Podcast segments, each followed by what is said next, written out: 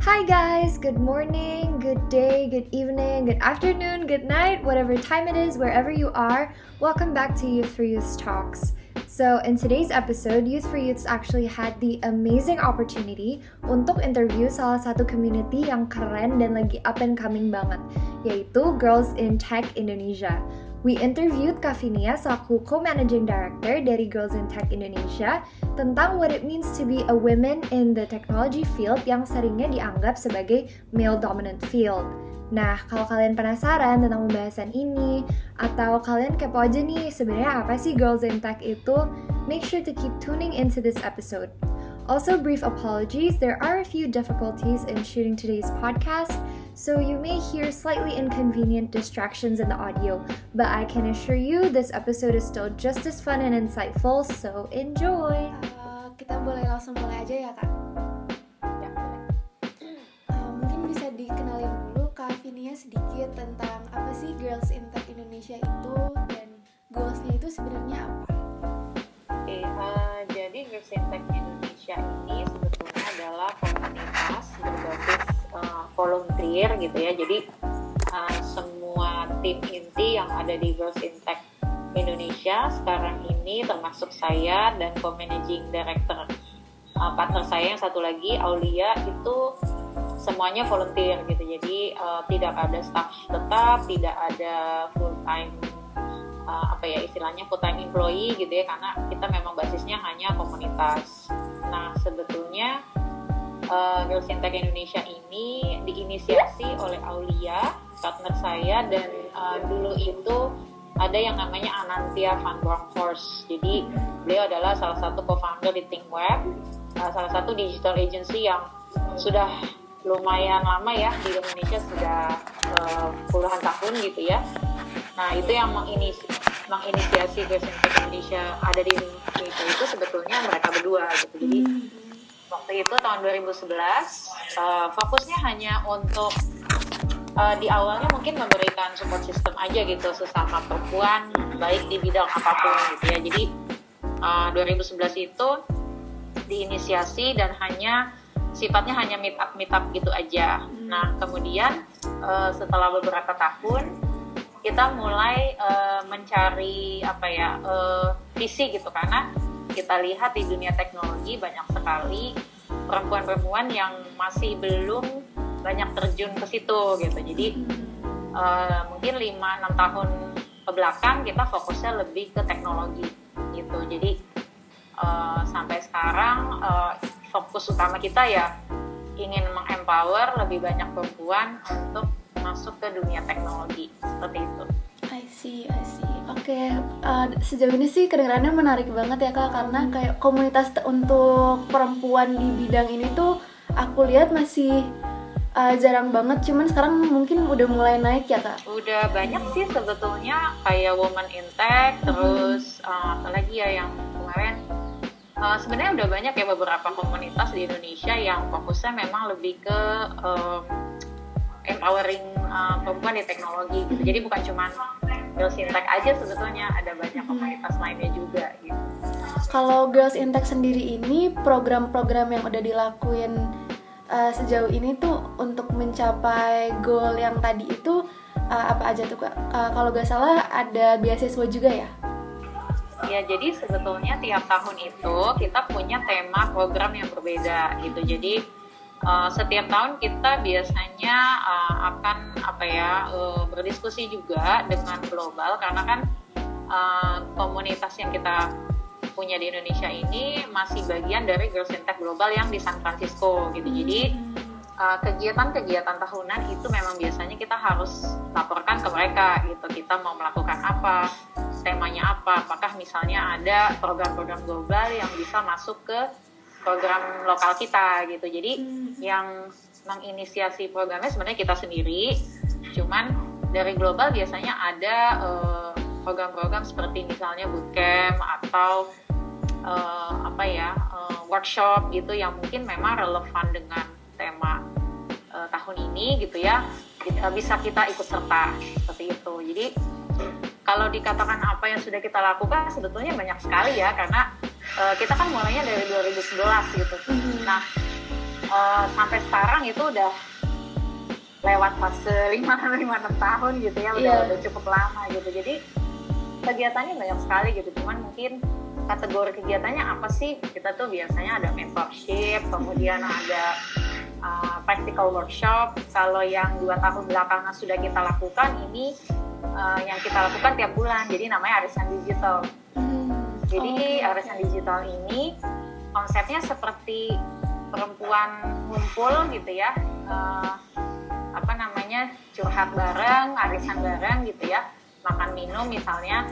Tapi kalau di kita eh, konsepnya itu kita ambil di mana kita saling ngumpul, kemudian kita ber- eh, punya apa namanya punya satu skill yang bisa kita bawa pulang setelah pertemuan tersebut gitu. Jadi kita sebutnya arisan digital.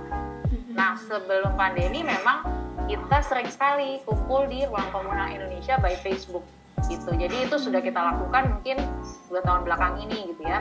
Cuman sejak pandemi eh, terakhir kita ngumpul Februari tahun 2020.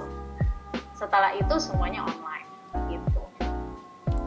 Oke, berarti kalau misalkan uh, setelah adanya pandemi ini lumayan banyak shift uh, cara kerja dan cara ngumpulnya juga ya kak, karena uh, dari yang aku dengar tadi banyak banget kegiatan yang mengharuskan untuk offline ya. Jadi tet- uh, acara-acara ini mostly tetap dilakukan, cuman jadi online aja gitu kak. Hmm, iya betul. Jadi sebetulnya sih eh, justru lebih eh, apa lebih enak ya karena mungkin capeknya nggak eh, capeknya beda gitu dengan kita Iya. misalnya ngadain kegiatan offline gitu kan. Mm-mm.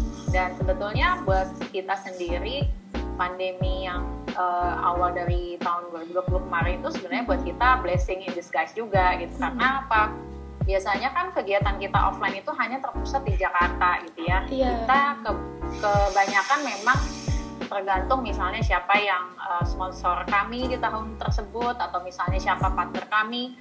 Nah, itu kami baru bisa keluar dari Jakarta gitu Hmm. karena eh, balik lagi kita adalah komunitas yang berbasis relawan gitu ya, tidak Iya. ada yang eh, apa namanya tidak ada staff tetap atau employee tetap gitu. Jadi kalaupun kita melakukan kegiatan itu eh, udah pasti ada eh, sponsor atau ada funding yang datang dari eh, apa partner partners kita gitu.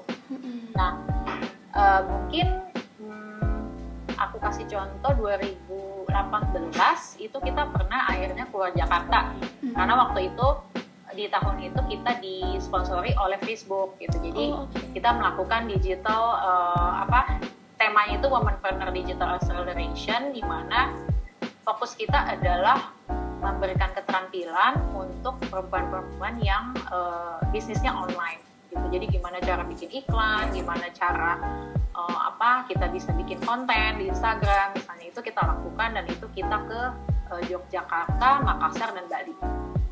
Oke oke Keren banget ya kak Berarti udah cukup luas dan pasti peminatnya juga untuk Girls in Tech Indonesia tuh udah banyak juga sih kalau udah uh, sampai kerja sama sama Facebook. Ya, itu kebetulan di tahun itu memang Facebook sendiri eh, ada kerjasama dengan Girls in Tech Global gitu. Jadi see. di berbagai country kita eh, istilahnya dapat dana gitu untuk bisa menjalankan beberapa program dan aktivitasnya seperti itu. Oke oke. Uh, mungkin untuk pertanyaan berikutnya aku mau lebih ngarah ke teknologi field of industry kali ya kak. Kan tadi udah dibilang nih sekarang udah banyak banget komunitas yang mensupport perempuan-perempuan yang ada di uh, industri teknologi. Menurut kak sendiri dan yang sudah dilihat selama uh, sejak di awal dibentuknya Girls in Tech ini, berapa signifi seberapa signifikan sih perubahan uh, in women's participation di teknologi industri uh, dibandingkan sama mungkin 10 tahun lalu atau 15 tahun lalu. Kita sayangnya tidak mendokumentasikan uh, apa yang kita lakukan di 2011 sampai mungkin tahun 2018 ya gitu. Jadi um, kalau ditanya seberapa besar partisipasi ya mungkin kita hanya bisa dari sisi misalnya uh, berapa orang sih yang kalau kita mengadakan kegiatan itu yang hadir gitu. Jadi mungkin lebih ke situ gitu ya uh, untuk sementara ini karena memang kita nggak uh, punya gitu dokumentasinya ada berapa yang ikut ada yang berapa akhirnya mungkin terjun ke dunia uh, teknologi gitu um, tapi yang jelas uh, di tahun ini aja itu yang uh, pada saat kita melakukan arisan digital yang ikut serta itu kan mini uh, kurang lebih sekitar 50 orang biasanya per satu kegiatan di tahun 2020 itu. Nah, arisan digital yang kita lakukan di 2020 itu uh, kemarin ada 9 kali gitu ya. Jadi selama 9 bulan betul-betul kita melakukan itu. Nah, um, dari semua peserta yang ikut di masing-masing arisan digital itu minimal 40% itu peserta yang baru gitu. Jadi uh, yang 60% itu peserta lama atau peserta yang sebenarnya udah jadi community member kita gitu ya. Tapi setiap bulannya itu ada sekitar 40% peserta yang baru gitu. Artinya kan minat uh, perempuan untuk lebih tahu tentang teknologi sebenarnya udah lumayan yeah. tinggi gitu ya. Hmm, kayak gitu sih. Hmm. Uh, menurut Kavinia sendiri uh, sepenting apa sih punya uh, komunitas atau role model uh, untuk perempuan-perempuan yang mau masuk ke industri teknologi? Uh, menurut aku penting sekali ya karena uh, ya balik lagi um, mungkin representasi perempuan di dunia teknologi kan terutama di Indonesia mungkin masih kecil. Hmm. Uh, di Indonesia juga mungkin kalau kita tanya ke random people gitu ya. Siapa sih role model kamu uh, perempuan yang misalnya bekerja di dunia teknologi? Nggak banyak pasti yang disebut namanya gitu. Jadi yeah. ini yang uh, juga salah satu motivasi kita gitu. Kita pengen uh, mengempower lebih banyak perempuan dan pengen mereka juga bisa jadi role model untuk yang lainnya gitu. Jadi uh, menurut aku punya komunitas seperti Girls in Tech Indonesia ini penting gitu. Karena uh, kita punya support system gitu yang membantu kita yang nge-encourage kita yang bikin kita juga mungkin jadi terpacu motivasinya gitu untuk bisa terjun di dunia teknologi. Oke, setuju banget sih kak. Yang penting ada bantuan dan mungkin mentorship juga ya kak dengan adanya ini. Iya betul. Kalau misalkan sejauh ini tantangan yang paling besar menurut tim Girls in Tech sendiri, baik itu internal di Girls in Tech ataupun secara general sebagai perempuan di industri teknologi itu kira-kira apa kak tantangannya? Challenge untuk kitanya atau challenge maksudnya challenge dari sisi organisasinya kah atau uh, challenge dari kebanyakan perempuan yang merupakan community members kita? Uh, iya dari perempuan yang uh, sekiranya mereka mau terjun langsung nih ke industri teknologi tapi masih banyak halangannya. Kira-kira halangannya itu apa ya kak? Oh halangan utama tuh sebenarnya balik ke self confidence kita sendiri sih. Jadi beberapa kali aku ngobrol dengan community members pada saat ada acara gitu ya atau pada saat kita masih ngumpul-ngumpul offline gitu ya uh, hal pertama pasti yang mereka sebut adalah saya takut atau saya nggak pede gitu. jadi sebetulnya yang jadi blocker sendiri atau yang jadi challenge sendiri itu kitanya juga gitu jadi um, kenapa kita juga mengadakan kegiatan-kegiatan yang mungkin sifatnya lebih kayak sharing session atau misalnya inspirational talk gitu ya dengan woman founder atau woman apa istilahnya perempuan-perempuan yang sudah menjadi uh, apa pemilik startup atau sudah melewati masa-masa di mana dia punya keraguan yang berlebih gitu ya tentang kapasitas dirinya sendiri. Nah itu uh, sebenarnya cara kita untuk meyakinkan gitu bahwa uh, the only challenge pada saat kita mulai sesuatu sebenarnya di kitanya sendiri. Kalau kitanya ya udah why not? I'll do it gitu. Dan there should be no issue gitu. Tapi memang banyak sekali yang mas masih ngerasa minder gitu. Masih ngerasa uh, mungkin dari lingkungannya dia merasa pressure bahwa perempuan itu uh, apa ya mungkin bidangnya bukan di teknologi gitu. Perempuan itu harusnya mungkin di marketing atau di uh, psikologi atau apa. Nah itu kan sebenarnya nggak ada hubungannya dengan gender ya sebenarnya yeah. kalau kita mau jujur. Jadi uh, itu ketakutan atau challenge utama sebenarnya ada di diri kita sendiri. Iya ya setuju banget sih kak. Dan karena dahulunya mungkin sampai sekarang juga cuman mungkin nggak separah dulu ya di lingkungan industri teknologi yang lebih dikenal sebagai lingkungan yang male dominated uh, untuk perempuan sendiri ada nggak cara-cara tertentu yang bisa dilakukan biar pede dan intinya make our voice heard in the industry gitu kak? Caranya sebenarnya satu ya dengan meningkatkan keterampilan diri kita sendiri gitu. Hmm. Artinya eh, teknologi itu kan semua hubungannya dengan ilmu pasti gitu ya, dengan logik, dengan sih kayak kalau kita mau jadi developer atau kita mau jadi programmer itu kan semuanya uh, logic gitu ya, based on logic gitu. Jadi selama kita bisa membuktikan bahwa kita bisa melakukan uh, coding A atau coding B atau kita ngerti soal uh, apa data analisis Python dan segala macamnya dan kita bisa buktikan itu sebetulnya kalau buat aku itu bukan bukan halangan gitu ya uh, kita istilahnya making our own voice heard itu by showing that we can do the job well gitu. Dan dan maksudnya pada saat ada challenge atau apa pun gitu ya kita nggak yang langsung uh, apa sih namanya langsung menyerah gitu ya. Terus hmm. kayak ngambek atau gimana. Tapi ya kita buktikan gitu kita bisa nggak tackle isu ini kita bisa nggak challenge ini. Dan mungkin um, banyak anggapan misalnya oh perempuan itu kan lebih berperasaan gitu jadi hmm. kalau misalnya nih codingnya dibilangnya salah gitu ntar dia baper atau apa nah itu sebenarnya harusnya bukan menjadi isu hmm. gitu tapi ya kita buktikan dan kita buktikan bahwa kita bisa profesional gitu kita bisa seperti uh, apa kolega kita yang laki-laki juga pada saat ada challenge atau ada isu terutama di pekerjaan. Hmm, oke okay, oke. Okay.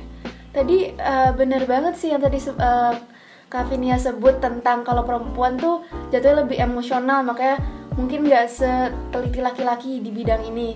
Kira-kira selain dua stereotip tadi ada lagi nggak ya kak stereotip atau miskonsepsi tentang perempuan yang bakal mereka hadapin kalau misalkan mereka masuk ke industri yang lebih dikenal sebagai male dominated? Yang banyak aku denger sih itu dua hal itu ya. Maksudnya kalau yang lain-lain ya mungkin uh, karena aku selama ini belum pernah mengalami kondisi atau situasi seperti itu ya. Karena ya alhamdulillah sampai sekarang uh, baik kolega laki-laki ataupun perempuan di bidang kerja mana pun yang aku pernah punya itu selalu suportif gitu, selalu mendukung dan selalu nge-challenge gitu. Karena aku sendiri membuktikan bahwa ya aku bisa deliver ini gitu, aku bisa kerjain ini dan aku bisa tackle isu ini kayak gitu. Um, kalau misalkan skill-skill lain yang diperlukan sebelum kita masuk ke dalam industri teknologi tuh kira-kira selain kenal coding itu tuh apalagi ya kak?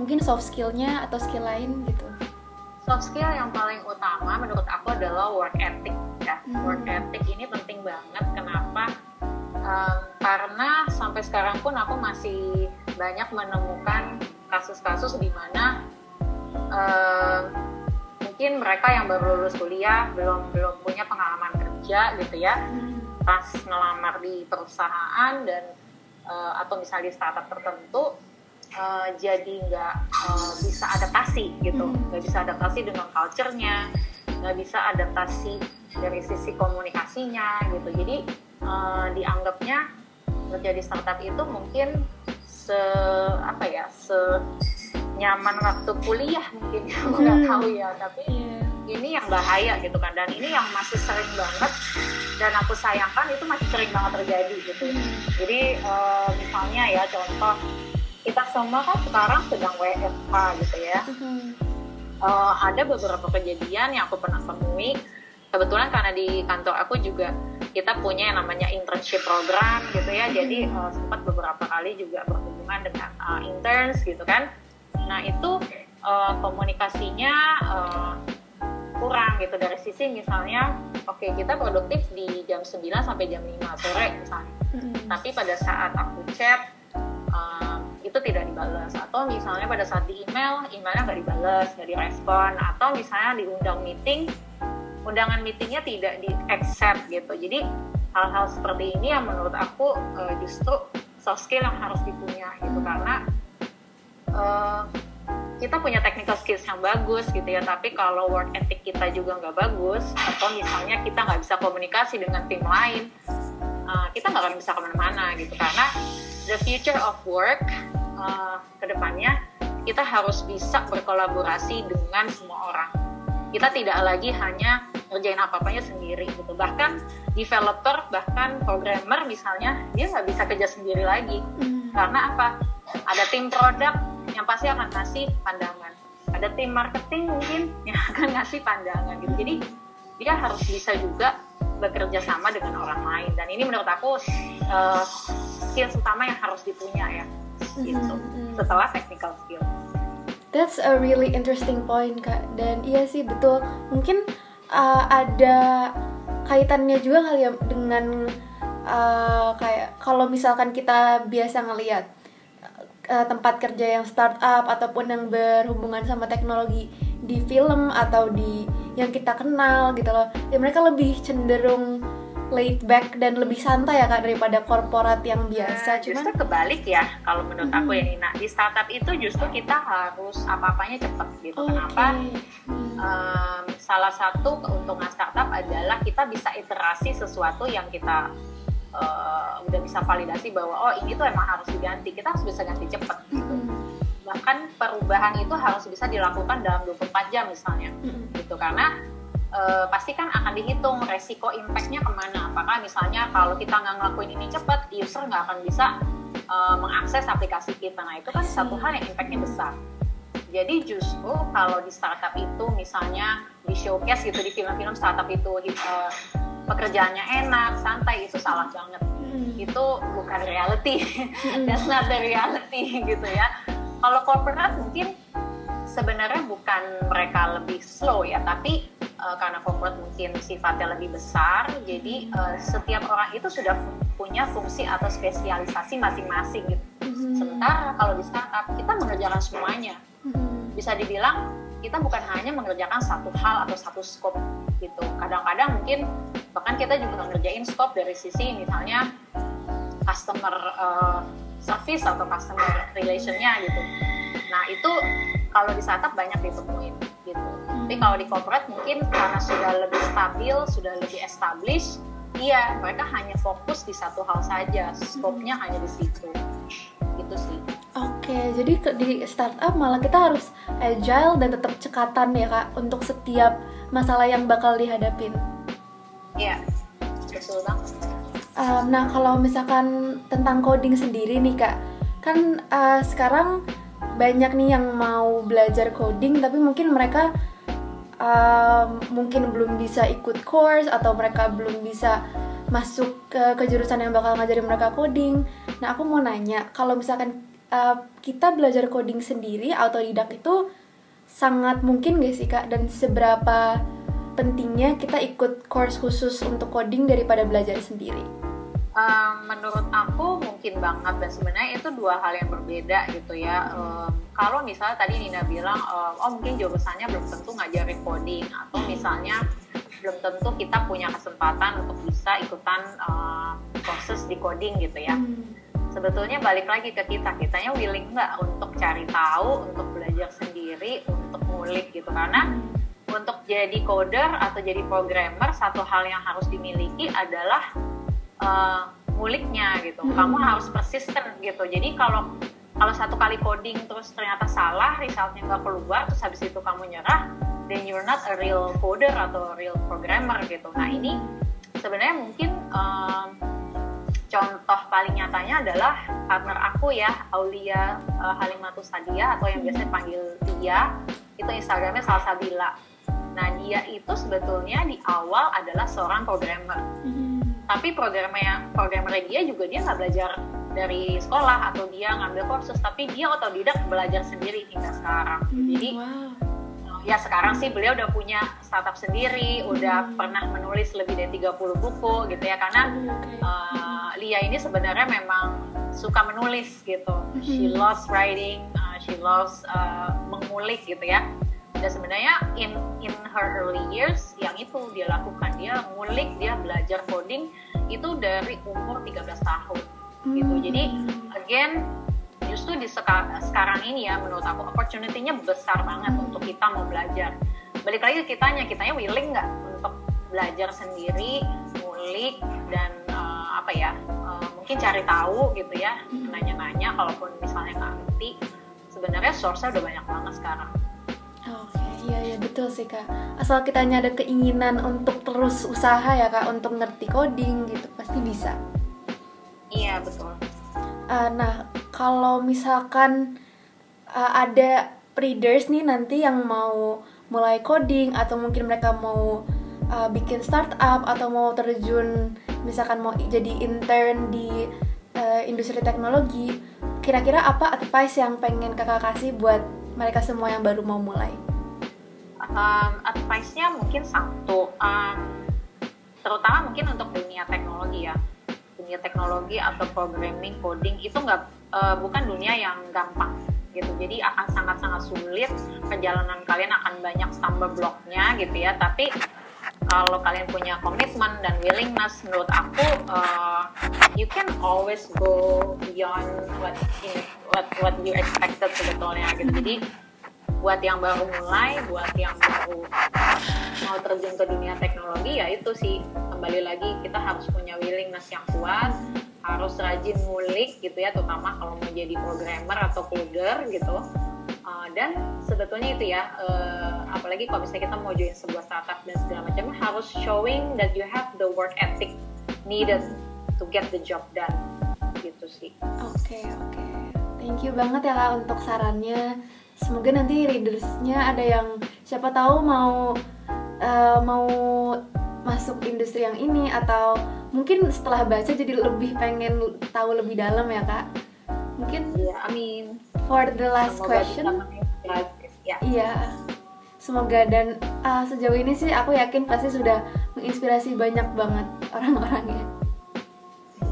Mungkin untuk pertanyaan terakhir karena udah mau setengah jam juga kak yang pasti ditunggu-tunggu dari seluruh interview ini kalau misalkan ada eh, seseorang yang butuh support system kalau mereka baru mau masuk di industri teknologi how can they join Girls in Tech Indonesia jadi how can we be a part of it um, sebenarnya gampang aja tinggal colek-colek kita di DM Instagram gitu ya karena uh, sekarang kan kita punya website sebetulnya Indonesia titik yeah. girlsintech.org gitu ya cuman website ini kan dihandle oleh global gitu. Jadi kalau hmm. teman-teman uh, daftarnya dari website tersebut nanti larinya ke database global gitu. Jadi hmm. Takutnya nggak relevan dengan program-program yang sebenarnya kita punya. Jadi saran aku untuk teman-teman yang di Indonesia terutama kalau mau join uh, Girls Indonesia di DM aja hmm. nama lengkap dan emailnya gitu. Jadi kita bisa masukin ke mailing list kita gitu karena biasanya setiap kita punya kegiatan baru atau ada eh, kelas-kelas uh, online baru yang mungkin kita mau share gitu ya kita biasanya akan share duluan ke community members kita gitu. Baru nanti setelahnya kita posting di uh, sosial media seperti itu. Jadi um, karena kelas-kelas dan kegi apa ya uh, workshop-workshop kita biasanya memang gratis gitu ya tidak berbayar. Slotnya limited banget gitu. Jadi kadang-kadang uh, pada saat kita udah posting sosial media teman-teman yang lain ya kok aku nggak kebagian slotnya? gitu ya. Hmm. karena mungkin mereka belum join ke mailing listnya Girls Tech Indonesia nah itu sih sebenarnya salah satu benefit ya gitu karena kita banyak sekali kerjasama dengan komunitas lain terus kemudian juga banyak acara-acara eksklusif yang mungkin memang hanya peruntukannya untuk community members nah itu biasanya kita announce di email seperti itu. Jadi uh, buat teman-teman yang mau ikutan Girls Tech Indonesia mau join silakan di DM aja ke Instagram kita di uh, @girlsintech_id, DM nama lengkap dan emailnya nanti kita masukin. Oke. Okay. Siapa tahu bisa networking juga ya kak ketemu teman-teman baru. Gitu. Boleh boleh banget, iya. Oke, okay, thank you banget kak uh, Vinia untuk waktunya hari ini. Uh, banyak banget belajar tentang Girls in Tech dan teknologi industri sekarang ini.